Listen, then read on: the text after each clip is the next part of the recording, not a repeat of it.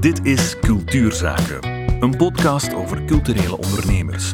Over projecten vol passie en creativiteit. Hoe ze leefbaar worden en leefbaar blijven.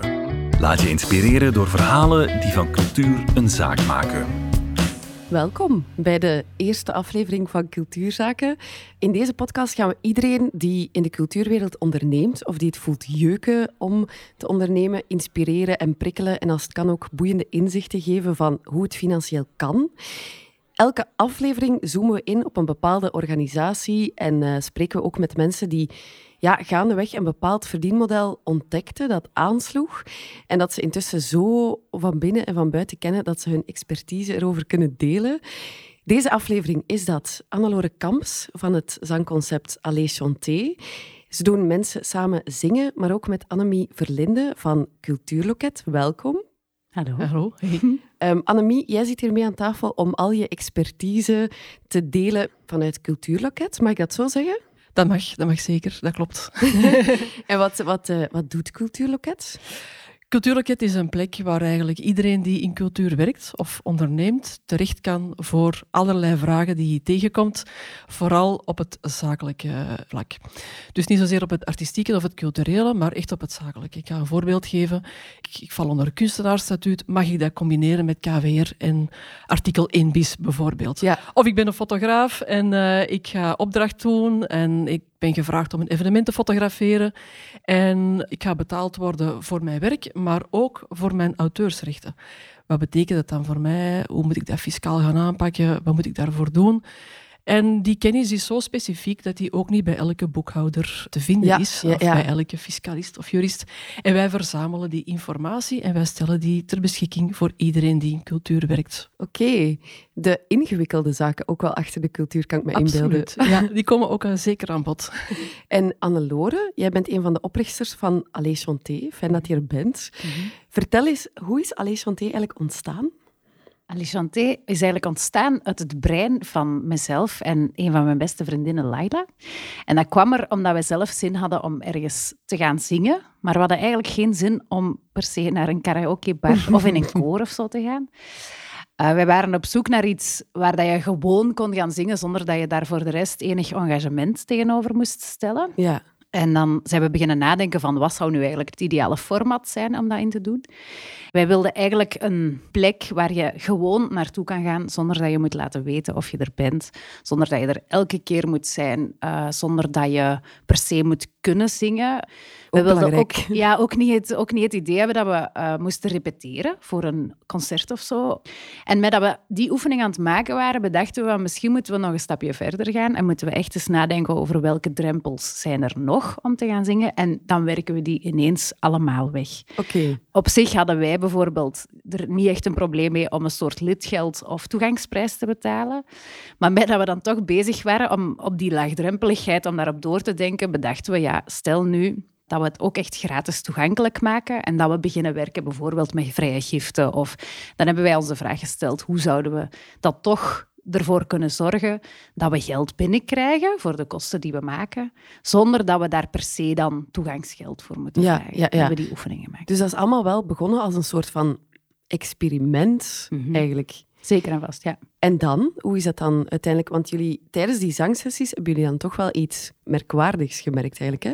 Ja, ik weet nog de eerste sessie ja, wij waren heel zenuwachtig en wij deden de deuren van de kerk in Gent open. En um, daar, stonden, er stonden meteen al, al 90 mensen voor de deur. En wij schrokken daar wel van, want wij dachten op voorhand, er gaat zo 15 of 30 man ja. zijn of zo. Uh, maar er waren meteen al heel veel mensen die eigenlijk... Ik weet nog dat ik in die eerste sessie zei... Er is één ding wat ons al bindt en dat is het feit dat we wellicht allemaal heel benieuwd zijn naar wat er nu gaat gebeuren. Ja. Uh, en ik heb ook gezegd dat ik in eerste instantie vooral heel erg zenuwachtig was. Dus als zij dat ook waren, dat dat prima was, dat we dat ook gewoon samen beleefden. En dan zijn wij beginnen zingen. Dat was superleuk. Ik merkte ook van, goh, dat gaat mij hier wel goed af eigenlijk. Uh, ik vond dat heel leuk om te doen. Ja. Om zoiets te doen met mijn handen en met mijn stem en met mijn enthousiasme waarop mensen reageerden. En dus na die sessie merkten wij heel snel dat ik, hè, het laatste applaus en we wuiven elkaar uit. We zeggen de volgende datum is dan. En heel veel mensen bleven staan en deden hun portefeuille open. Mm. Dat was echt heel, heel raar en ook een beetje gênant, omdat wij dachten, nee, nee, hè, je moet dat niet doen, want ehm, Het is gratis. het is gratis. En we hadden, op, we hadden eigenlijk bedacht, na één jaar doen we een fundraiser, een soort crowdfunding moment, waarop dat we al het geld zouden ophalen dat we voor de komende sessies nodig hadden, dus voor het komende jaar. Maar het was, eh, het was zo opmerkelijk dat mensen in het begin zo... Ja, die morden dan zo af. Maar zo, ah ja, oké, als, als dat is hoe jij wilt dat we dat doen, oké. Maar de tweede sessie waren er nog meer mensen die dat deden. en, en je merkte echt zo'n soort opstandigheid van mensen die zeiden van... Ja, maar nee, nee, nee, nee, nee. Die hadden daar ook over nagedacht. En wij hadden daar niet meer over nagedacht, zij wel. En er waren er een paar die echt hun laatste kletsje bier in de planten goten. En ja, met een leeg bierglas begon die stakken daar 2 euro en dan begon dat te klingelen. En dan hebben die, eh, zijn die beginnen rondgaan. En ik weet nog dat ik toen op dat podium stond en eigenlijk een beetje gegeneerd was. Van, wat doen die nu? Allee, dat is helemaal niet de bedoeling. Maar Ja. ja, laat, laat maar doen. Daar komt ook geen massa geld uit of zo, maar je hebt dan ineens zo een dynamiek die zich eigenlijk ja, installeert. En dat is heel bijzonder. Wij doen het nu zes jaar en dat blijft zo. Dus wij hebben dan op hun vraag op een gegeven moment een spaarvarken voorzien, omdat ze toch niet altijd zo met een glas dat konden doen. Ze zeiden van, eh, maak dat een beetje officiëler Ja. en vraagt het geld zelf. Hè. Als ik de oproep zou doen, zou er nog meer mensen het nut ervan inzien? Of, of Ja, ja, ja. zou het nog wat meer verbonden zijn met het evenement waarop dat zij net zo'n leuk gevoel hadden gehad. Hoe dat, dat zich ontwikkeld heeft, heb ik eigenlijk gewoon alles geleerd van de mensen die bij ons kwamen zingen. Ja. Het is eigenlijk heel speciaal dat jullie moeten nadenken van, allee dan, als je echt geld wilt geven, Ja. dan... En dan, wat, wat doe je dan met dat geld? Eh, want dat was nog heel pril in het begin. Die organisatie was nog heel eh, eh, zoekend waarschijnlijk. Wat heb je dan met dat geld gedaan uit die lege bierbekers? Ja, ik weet nog dat er dan zo op mijn bureau in een kast stond er een doos. En elke keer stak ik dat geld daarin en schreef ik daarop van dat is van die en datum zoveel. Waardoor dat je dus wel na tien sessies was je werkjaar eigenlijk door. En dan konden we optellen hoeveel hebben we wel opgehaald. En dan wisten we ook heel duidelijk, we moeten nog zoveel ophalen. Eh, dat deden we dan eh, met één betalende sessie. Dus dan kocht je daar wel een ticket voor. Oké. Met het idee van, ja, nu halen we eigenlijk... Dat is op onze verjaardag dat we dat doen, dus we bestaan één jaar. Oké, zullen we dan nu al het geld ophalen dat we nog nodig hebben? Met het idee, want het is onze verjaardag, je mag ons altijd een cadeautje geven en daarmee maak je het zelf mee mogelijk. Ja. En met die boodschap werd dat zo sterk dat mensen ook zo het gevoel hadden van ja, ik kan hiermee bijdragen en ook al geef ik nu 20 cent of ik geef 50 euro, ik zorg ervoor dat we kunnen blijven zingen. En wat me daar heel sterk in opviel, was het concept dat mensen zeiden van ja, als ik geef wat ik kan missen, dan kan iedereen gratis blijven meedoen. Mhm. En dat is zo, die drie componenten van geef wat je kan missen, dan kan het gratis zijn en voor iedereen. Dat zijn drie componenten die we eigenlijk heel snel hebben gevoeld dat het daarom ging bij de mensen. Ja, heel onze campagne voor fondsenwerving of voor het vrije giftenverhaal hangt daar eigenlijk aan vast. Omdat we dat zo snel konden oppikken dat het de mensen eigenlijk daarom te doen was. Ja. Dat toont hoe community-based dat, dat is. Ja, de manier waarop jullie je, laten financieren is eigenlijk heel spontaan gegroeid vanuit de mensen zelf ook. En hoe heb je, eh, of hoe hebben jullie eh, dan die fondsenwerving geprofessionaliseerd? Begin vorig jaar hebben wij een eh, subsidie gekregen, een projectsubsidie van bovenlokale cultuurprojecten. We hadden daar een dossier geschreven met het idee van eigenlijk zouden wij graag op drie jaar tijd een aantal zaken professionaliseren, waaronder onze fondsenwerving. Omdat we merkten, ja, heel veel van onze fondsenwerving gebeurde dan ofwel via cash, ofwel via bankoverschrijving of via Payconic. Maar je voelt wel aan alles van hier zit nog een gigapotentieel. Als je zou kunnen gaan werken met formulieren, webformulieren of, of een actieplatform waar mensen voor hun verjaardag een actie opzetten ten voordele van hun favoriete zangwerking. Maar dat is echt zoiets, dat, dat, dat voel je wel als kleine organisaties zoals Alichanté. Dat budget hadden wij niet. Dat zijn licenties die toch al snel over een paar duizend euro gaan. Ja, dan moet je dus eerst een paar duizend euro ophalen voordat je boven water bent en dan pas begin je daaraan te verdienen. Maar dan hebben wij die uh, subsidie aangevraagd en ook gelukkig toegekend gekregen, waardoor dat wij nu samenwerken met Coalect, mm -hmm. een fantastische organisatie die echt ook meedenkt met jullie, uh, met, met je organisatie. Dus we hebben daar met hen het onderzoek kunnen doen van waarmee kunnen we onszelf dan nog versterken. Mm -hmm. En waarmee kun je die geeftendens die er al is, de geefcultuur, ik spreek vaak over een geefcultuur. Er is echt bij ons een geefcultuur.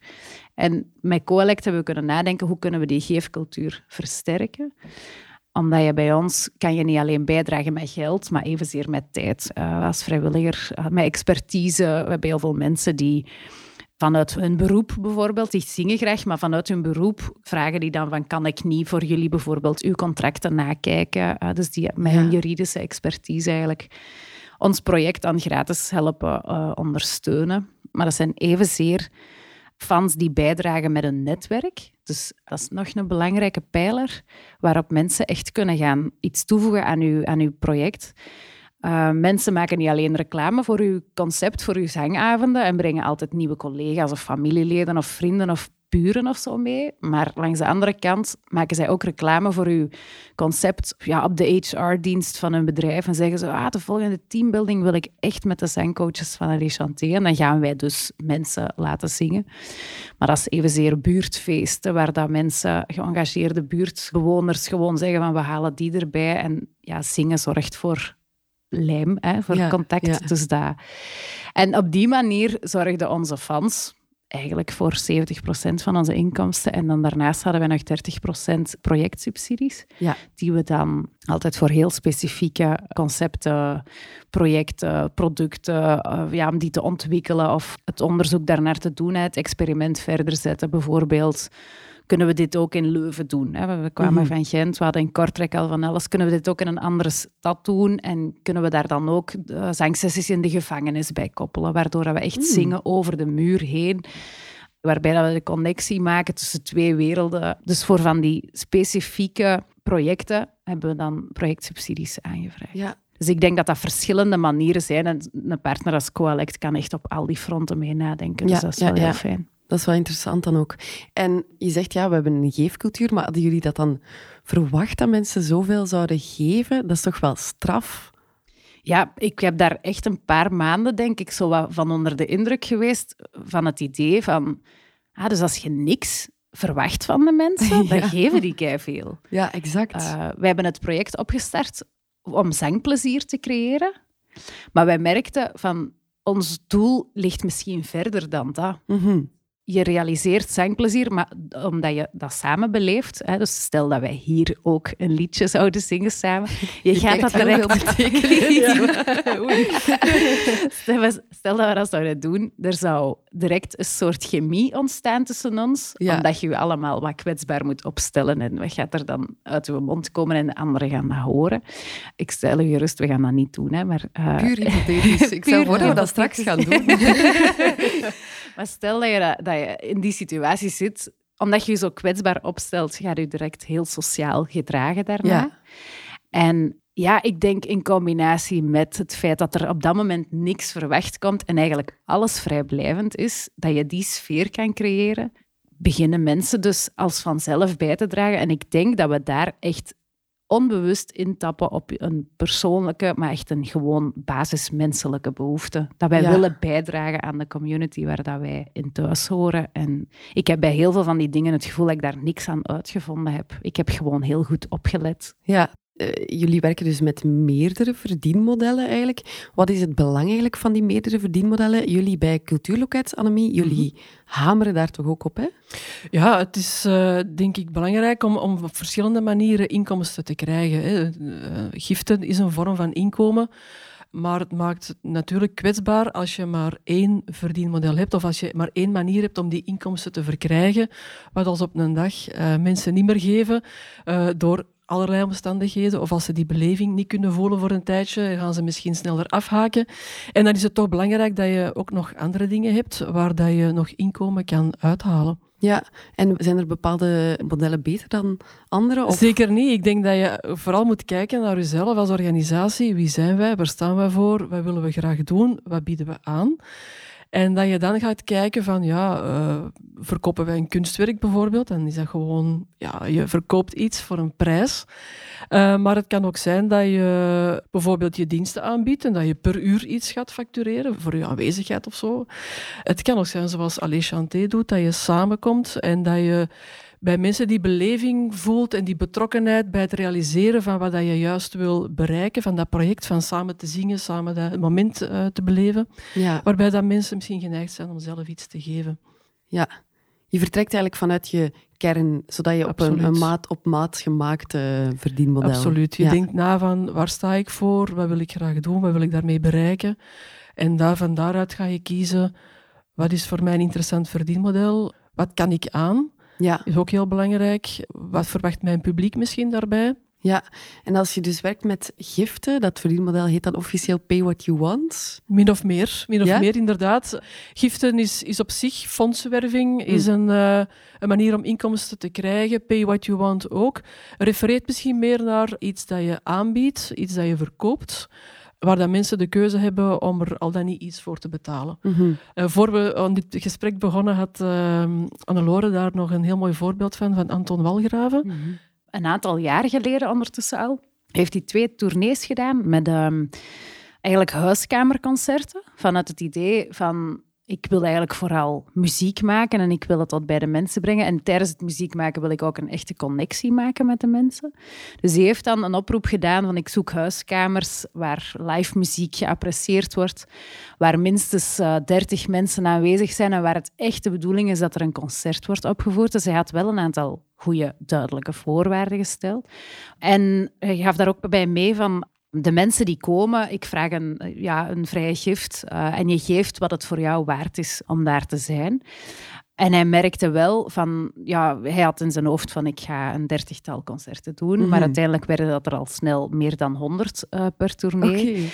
En hij merkte ook van, ja, dat dat hem zodanig veel speelplezier mhm. opleverde, maar ook dat dat een heel goed verdienmodel bleek te zijn ik denk een van zijn laatste cd's heeft hij ook op die manier opgenomen. In een kapel met een aantal muzikanten. Heel goed gedocumenteerd. Wat gaat dat mij kosten om dit album te realiseren? En dan heeft hij daar een soort crowdfunding actie aan vastgekoppeld. En daarna opnieuw zo'n tournee. Ja. En hij vertelt daar echt over dat dat, ja, dat was een heel avontuur. Je maakt daar wel echt een heel concept van. Hij had dan met zijn muzikant ook wel zo het idee van zullen we daar ook gewoon helemaal met openbaar vervoer met de fiets naartoe gaan. En als we nu ook eens zorgen dat we dan onze belichting en onze geluidsinstallatie mee op de fiets krijgen. En, dus die hadden er wel zo'n heel verhaal rond. En anderzijds hadden die ook al hun kosten die ze maakten en opbrengsten op hun website gezet. Dus mhm. geheel transparant. Waardoor ja, mensen het gevoel ook wel hadden, als ik 10 euro geef, dan leg ik dus misschien dat klein stukje van de aankoop van die geluidsinstallatie. Zo, of of mhm. van, het, van het masteren of van het dit of dat.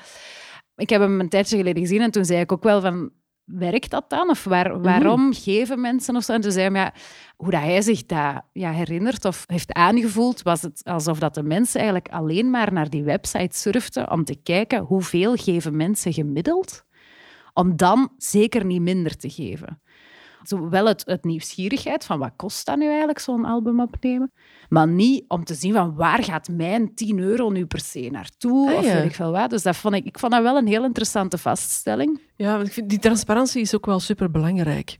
Misschien dat mensen niet direct gaan kijken van ja, waar gaat mijn geld nu exact naartoe, maar ze willen toch het gevoel hebben, daar is iets mee gedaan. En ik kan dat zien wat ermee gedaan is, of ik kan dat voelen wat ermee gedaan is. En dat mhm. heeft tot iets geleid en ik heb daaraan bijgedragen. Dus die transparantie is toch wel uh, heel fijn om dat mee te geven. En dat draagt ook bij tot de geefbereidheid. Uh, dat mensen niet zo het gevoel hebben van ja, dat verdwijnt daar ergens in het geheel. En ja, wat is nu eigenlijk de waarde van mijn bijdrage geweest? Ja, ja, ja. ja. Nu, ik denk niet dat dat doorslaggevend is. Ik denk dat mensen daar nieuwsgierig naar zijn. Mhm. Maar ik denk niet dat transparantie de mensen die nog overtuigd moeten worden om te geven of zo, ik denk niet dat je die over de streep trekt door transparant te zijn. Ik denk dat je de mensen die al overtuigd zijn, echt je donateurs, dat je voor een betere binding zorgt of zo. Maar ik denk niet dat het echt hetgeen is wat hen over de streep trekt. Het is een en-en verhaal, hè? Het begint eigenlijk inderdaad bij die beleving, uh, die, die magie die jij dan eigenlijk naar voren brengt, samen zingen en dat, dat sociaal contact dat daar ontstaat en dat, dat samen zijn. En die transparantie is daar een stukje van. Wat kan daar nog een stukje van zijn? Bijvoorbeeld dat je een fiscale test kan krijgen voor sommigen. Dat, is, ja, dat kan ook een meerwaarde zijn voor, voor mhm. iemand om een beetje meer te geven misschien.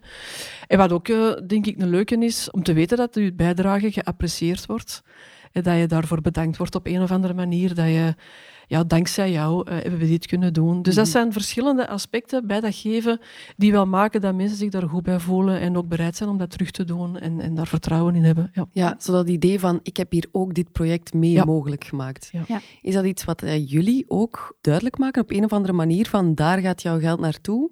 Ja, dus wij hebben wel, je kan dat echt ook gewoon op onze website zien of als wij, dat is nu precies zo lang geleden dat we dat nog gedaan hebben. Um, dat ik me dat moeilijk kan voorstellen. Van wat deden wij? Ah ja, wij maakten flyers waar dat op stond van wij, zoveel gaat, uh, we hebben uh, eh, 10.000 euro op een jaar nodig om zo'n werking te doen draaien. Wij spenderen die aan muzikanten, auteursrechten, nog een aantal zaken, van drukwerk tot uh, verzekering. En dan een stuk ja, dat wel gewoon naar medewerkers op de bureau gaat, zo gezegd. Ja. En dat is wel iets wat ik bij onze fans wel opmerk, dat die dat niet per se raar vinden. Soms heb je, als je fondsenwervingsacties opzet, wordt er gezegd, ja, maar voor het werk achter de schermen of eigenlijk uw gewone overhead, ja, daar willen mensen niet voor betalen.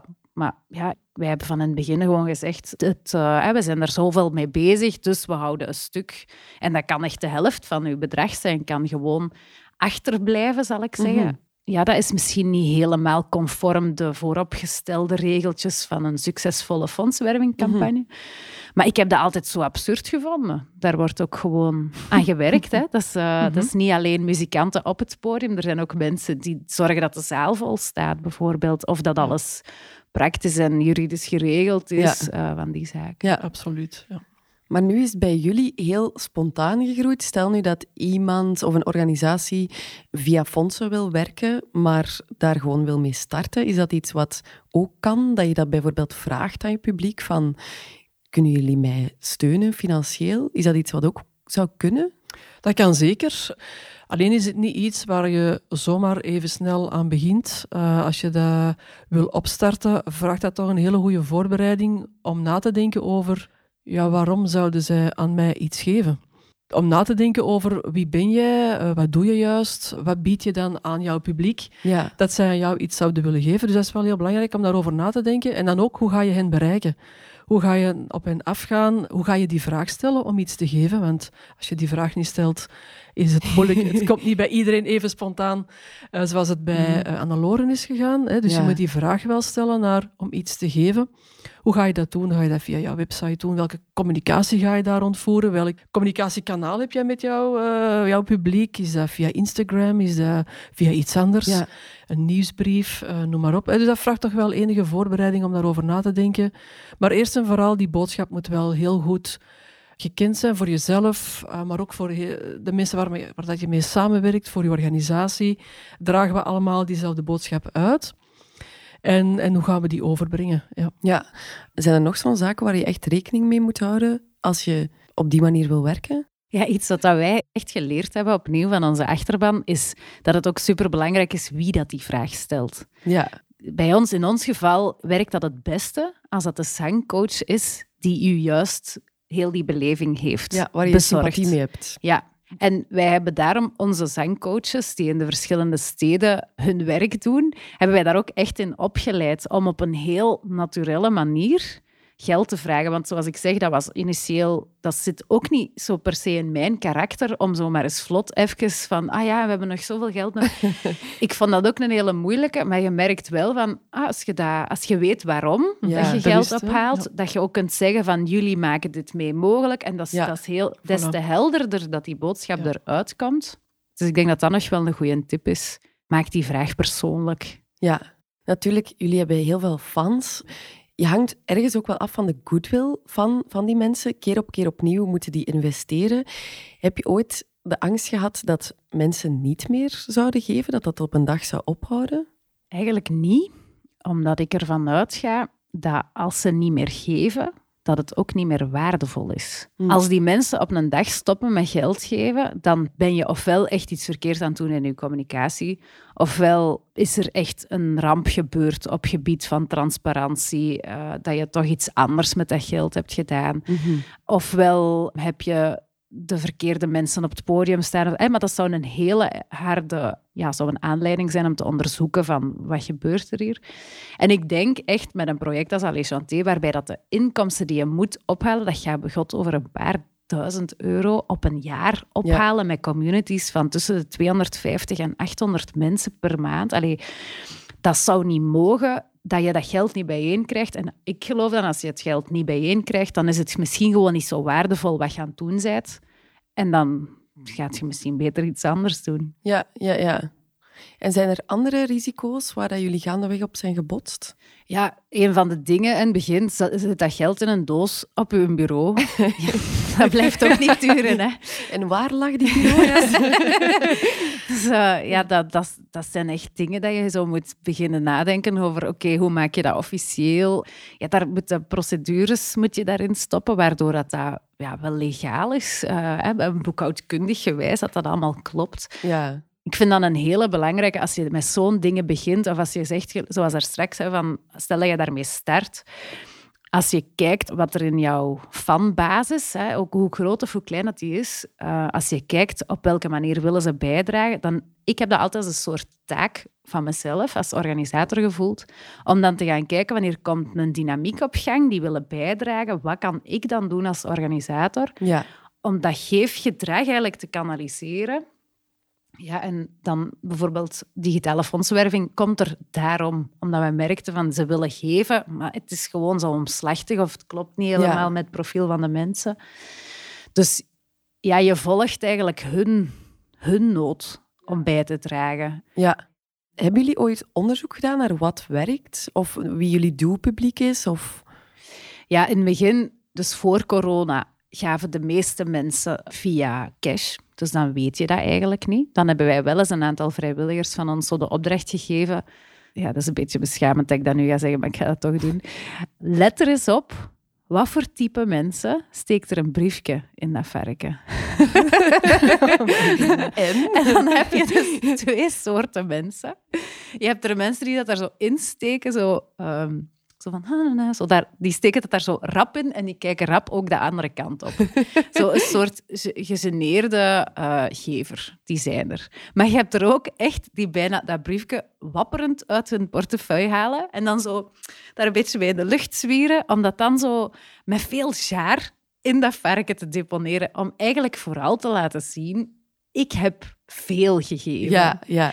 Maar het, het leuke aan die vrijwilliger die daar staat, ja, die zegt gewoon tegen iedereen, wauw, dankjewel, dankjewel. en zo zijn er net evenzeer mensen die met evenveel jaar en fierheid 20 cent deponeren. Die echt zo van, ping, ik, dit is wat ik doe. maar van die mensen, om daar echt een profiel van te maken, was niet te doen. Dat Nee. is gewoon van 18 tot 88 man, vrouw. Alles door elkaar. En het leuke aan onze digitale werving is natuurlijk wel dat je veel e-mailadressen hebt. Ja. Maar wij zijn dat nu een jaar aan het doen. Natuurlijk, door corona hebben wij alleen online evenementen. Dat is niet per se het publiek dat we anders in de zaal hebben. Dus om daar nu onderzoek op te gaan doen, dan zouden we eigenlijk al maar een beperkt onderzoek doen op ons nieuw publiek voor Ja. ons nieuw product, voor onze eh, livestream zangsessies. Maar dat kunnen we dus aan de hand van het feit dat we nu digitale fondswerving doen, kunnen we dat wel in de toekomst gaan doen. Ja, want je zegt het net, ja, corona kwam ineens. Hoe hebben jullie dat aangepakt? Ineens gingen jullie digitaal. Hoe is dat gelopen?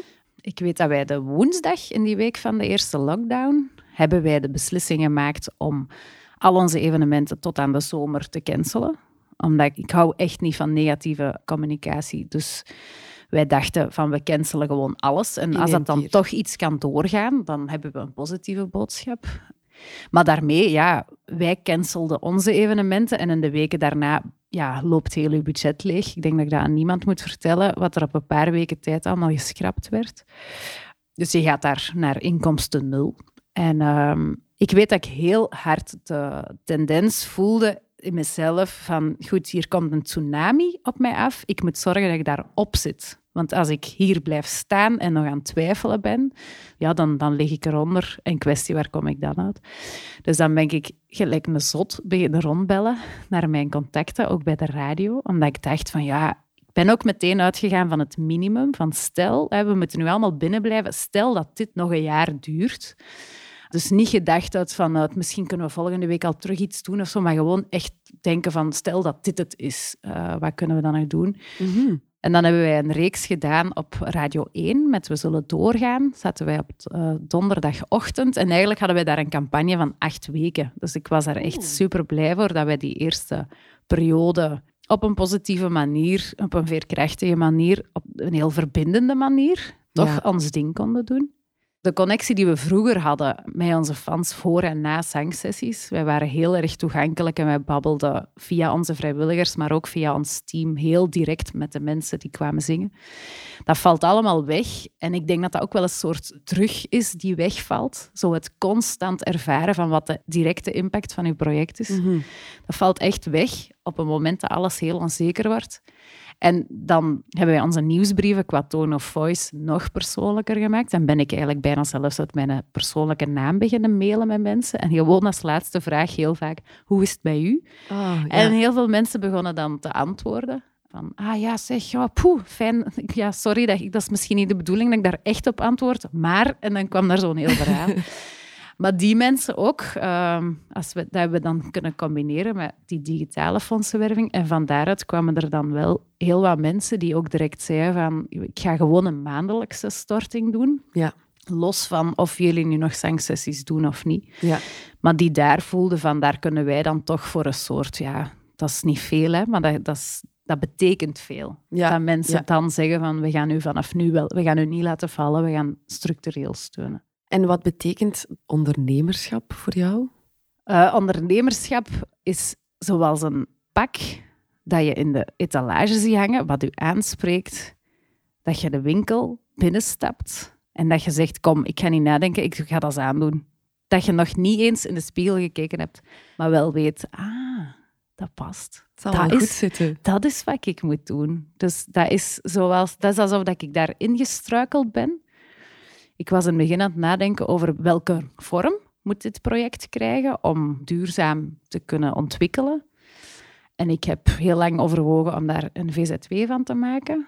Maar dan merkte ik op den duur van, ja, dat, dat past niet helemaal. En dan heb ik ook, omdat ik ook zelf heel erg zo de vrijheid nodig heb om, te, om echt snel te kunnen gaan. En Mhm. eh, ja, nog andere redenen, maar dat ik echt voelde van, misschien moet ik toch gewoon een eenmanszaak opstarten en een btw-nummer vragen. En ik ga ook direct in, met btw factureren. Ik ga niet vrijgesteld van btw, want ik wil ook gewoon ik wil gewoon ineens fatsoenlijk geld verdienen. En dan hebben wij, ja, heb ik eigenlijk heel snel zelfstandige geworden. En dan ja, heeft dat zich zodanig ontwikkeld dat dat uiteindelijk toch in de richting van de VZW is gegaan. Ja. Omdat je dan merkt van ja, we gaan hier samenwerken met vrijwilligers en dan past zo'n eenmanszaak eigenlijk niet meer. Ja. Maar ik ben wel nog altijd zelfstandige. Dus dat, dat, dat blijft. En ik vrees dat dat ook nooit meer zal veranderen. Want sommigen ja, eh, beginnen misschien iets, iets cultureels en, en dan komt dat geld erbij kijken, dat financiële. En dan denken sommige mensen misschien van oei, nu moet ik eh, met dat geld bezig zijn, dan ga ik mezelf misschien moeten verloochenen. Dat is niet iets, dat is totaal niet iets wat bij jou is gebeurd. Of... Nee, omdat ik, ja, als je daarover nadenkt, als je iets wilt doen, iets wilt realiseren, ja, dan heb je geld nodig. En geld is een middel om een impact te maken. Maar in ons geval, als je daarover nadenkt, en ik weet niet of dat in andere projecten ook zo is, maar ik geloof van wel, het feit dat er geld mee gemoeid is, het feit dat mensen met geld kunnen bijdragen op de manier die hen het beste past, zorgt dat wij meer impact maken. Want Annemie heeft het straks al gezegd, als je bijgedragen hebt, dan voel je veel betrokkener bij Ja, het project. Absoluut. Eh, Dat geld is geen doel op zich. Dat gaat u helpen om uw impact groter te maken, om te kunnen bereiken wat je graag wil doen. Absoluut. Eh, Heel mooi gezegd. Ja, en ik, ik, maar ik denk dat echt ook op persoonlijk vlak, als er mij niks gevraagd wordt, eh, ik moet geen geld geven, maar ik kies ervoor, dan voelde je ook echt part of the family. Dan, dan heb je dat zelf gekozen om veel of weinig hè, naar, naar je eigen kunnen bij te dragen. En ik denk dat dat... Dus in, in het geval van zoals een project als Alichanté, waarbij dat je echt een beweging op gang wilt brengen, Ja. die in de richting gaat van een warme samenleving, waarin mensen gewoon geen schroom hebben om contact te maken met elkaar. Als je dat als opzet hebt en je kunt de mensen zelf laten bijdragen, dan versnelt dat echt uw impact. Want mensen gaan zich veel, ja, veel nauwer verbonden voelen met die warme samenleving Mhm. waar dat jij naar, naar streeft. Nu, Annelore, jij laat je ook niet verleiden om je concept wat aan te passen. Hè? Of dingen anders aan te pakken. Jullie blijven heel sterk bij, bij je waarden waar je voor staat. Eh, dat is wel iets dat jullie, denk ik, heel, heel goed bewaken. Waardoor dat, die angst om je te verloochenen of om het voor het geld te gaan doen of, of om heel commercieel te gaan denken. Ik denk dat dat, als je die, die eigenheid, je eigen core waar je naartoe wilt, als je die bewaakt, dat dat ook lukt. Dat dat, dat, dat zeker kan. Ja, en ik denk, wat jij benoemt, uw eigenheid bewaken, wij doen dat echt aan de hand van een aantal voorwaarden. Dus dat je echt zegt van, alles wat wij doen, moet echt zo laagdrempelig mogelijk zijn. En dat moet kwalitatief zijn. Mhm. Dus het culturele product, hè, bijvoorbeeld, ik ben zelf geen professionele zangeres, maar ik weet wel dat ik in het zangcoachen, het, het, en daar bedoel ik echt, ja, dat is vertaalbaar als een, een zingende dirigent. Ik weet dat, dat wij daarin, de mensen met wie wij samenwerken, die we dat laten doen, die zijn daar gewoon heel Ja. erg goed in. Wij doen bijvoorbeeld alleen maar boekingen op plaatsen waar dat ze bepaalde technische faciliteiten hebben die gewoon echt goed zijn. En dan hebben wij ook wel heel hard de attitude, en dat zal gewoon liggen aan het feit dat ik, dat, dat mijn karakter ook is. Als mensen met een vraag naar ons komen, eh, van kunnen jullie bij ons de mensen komen laten zingen? Dan is het antwoord, ja, wij kunnen dat wel, maar wij hoeven dat niet te doen. En dat Mhm. zeg ik niet hardop, maar dat is wel de basisingesteldheid. En dan kan je eigenlijk die voorwaarden, zoals ik er juist zeg, voor u op uw tafel leggen of aan een muur hangen. En dan toetst je gewoon alles af. En dat is een soort filter Ja, zo'n checklist. een checklist. En als, het daar niet als daar sommige dingen, stel dat het toch niet laagdrempelig is, of dat er geen mogelijkheden zijn, bijvoorbeeld voor mensen met minder financiële middelen, om toch mee deel te nemen, ja, dat zijn dan soms hele mooie opportuniteiten, maar die Ja. je gewoon moet laten vallen. Ja. ja, dat is wel sterk dat je dat blijft doen natuurlijk. Ik denk dat dat een gevolg van het ondernemerschap. Eigenlijk ben je een onderneming, een bedrijf aan het runnen, dat moet de winkel moet blijven draaien. Hè? Ik geloof wel als je dan goede, strakke keuzes maakt of een kader van alles hier binnen kan, maar er is wel een kader. Elke keer dat je nee zegt tegen iets, zeg je ook ik sta voor iets. Mhm. Je bouwt credibiliteit op. En ook voor jezelf. Als ik ja zou zeggen tegen alles, dan zou ik mijn team bijvoorbeeld... Dan zouden we die op den duur zeggen, die, "Pff, zeg, die boekingen, de ene keer is dat leuk, de andere keer niet. Ja, dat is gewoon goed zorgen voor uw bedrijf, Mhm. voor uw merk ook en voor uw mensen. Dus ik Ja. denk dat dat zeker niet slecht Ja. is. En met al het expertise eh, dat je gaandeweg nu bent tegengekomen, kan je volgens mij al een boek erover schrijven. Is dat iets wat eh, op de planning staat? Of... Ja, ik zou heel graag de kennis en de expertise die we hebben opgebouwd, ik zou die heel graag delen. Eh, wij zijn zelf ook met kennistrajecten gestart eh, binnen Madeleine. Dan de, dat is de VZW die de expertise van Alichanté exploiteert, zo zal ik het zeggen. Dus wij zijn daar stappen in aan het zetten. En ik weet niet in welke vormen dat het er zal uitkomen, maar sowieso, het is te zot dat wij zoveel geleerd hebben ondertussen en dat we er zo... We zijn er niet alleen bedreven in, maar we babbelen er ook graag over, zoals je hoort. Dus ik denk dat dat... Ik denk dat dat, ja, dat dat een goede combo kan zijn om, eh, om ervoor te zorgen dat we met meer mensen eh, met die inzichten aan de slag kunnen gaan. Ja, en dat heel veel mensen er ook uit kunnen leren. Ehm, wat is jouw grote droom eigenlijk met dit project? Ik zou heel blij zijn als wat wij doen, als dat niet meer nodig is. Ik zou echt heel gelukkig zijn van het idee dat eh, mensen zonder schroom contact maken met elkaar, eender waar ze zijn. Dat er in die wereld ook gewoon heel veel gezongen wordt. En dat projecten als Alichanté, die ondertussen ja, per maand voor corona 2500 mensen per maand laten zingen, die soms toekomen en echt bijna uitgeblust op de mat uh, binnenstrompelen en zeggen, ah, eindelijk. Dan denk ik, eigenlijk zou dat niet nodig moeten zijn. Eigenlijk zou dit is dat, zou dat pure luxe moeten zijn. Ja. En ja, ik streef naar het idee van overbodigheid. Oké, dat is vrij paradoxaal eigenlijk. maar ehm, een heel prachtig plan voor de mhm. toekomst. Mhm. Ik wens jou daar ongelooflijk veel succes mee. En ik kan niet wachten om uh, samen straks achter de schermen Kumbaya samen te doen. en een, uh, zang, op een zangsessie van Allee Chanté in de toekomst. Annelore Kamps en Annemie Verlinde. Enorm bedankt voor het uh, sterke ondernemingsverhaal en jullie straffe expertise. Dat is graag gedaan. Graag gedaan. Bedankt voor het luisteren naar deze aflevering van Cultuurzaken. Op zoek naar inspiratie of advies voor jouw project? Check onze website cultuurloket.be en ontdek een schat aan informatie in onze kennisbank via opleidingen of neem er persoonlijk contact op met een van onze consulenten. Abonneren op deze podcast doe je gratis via jouw favoriete podcast-app. Zo hoef je geen enkele aflevering te missen. Tot snel!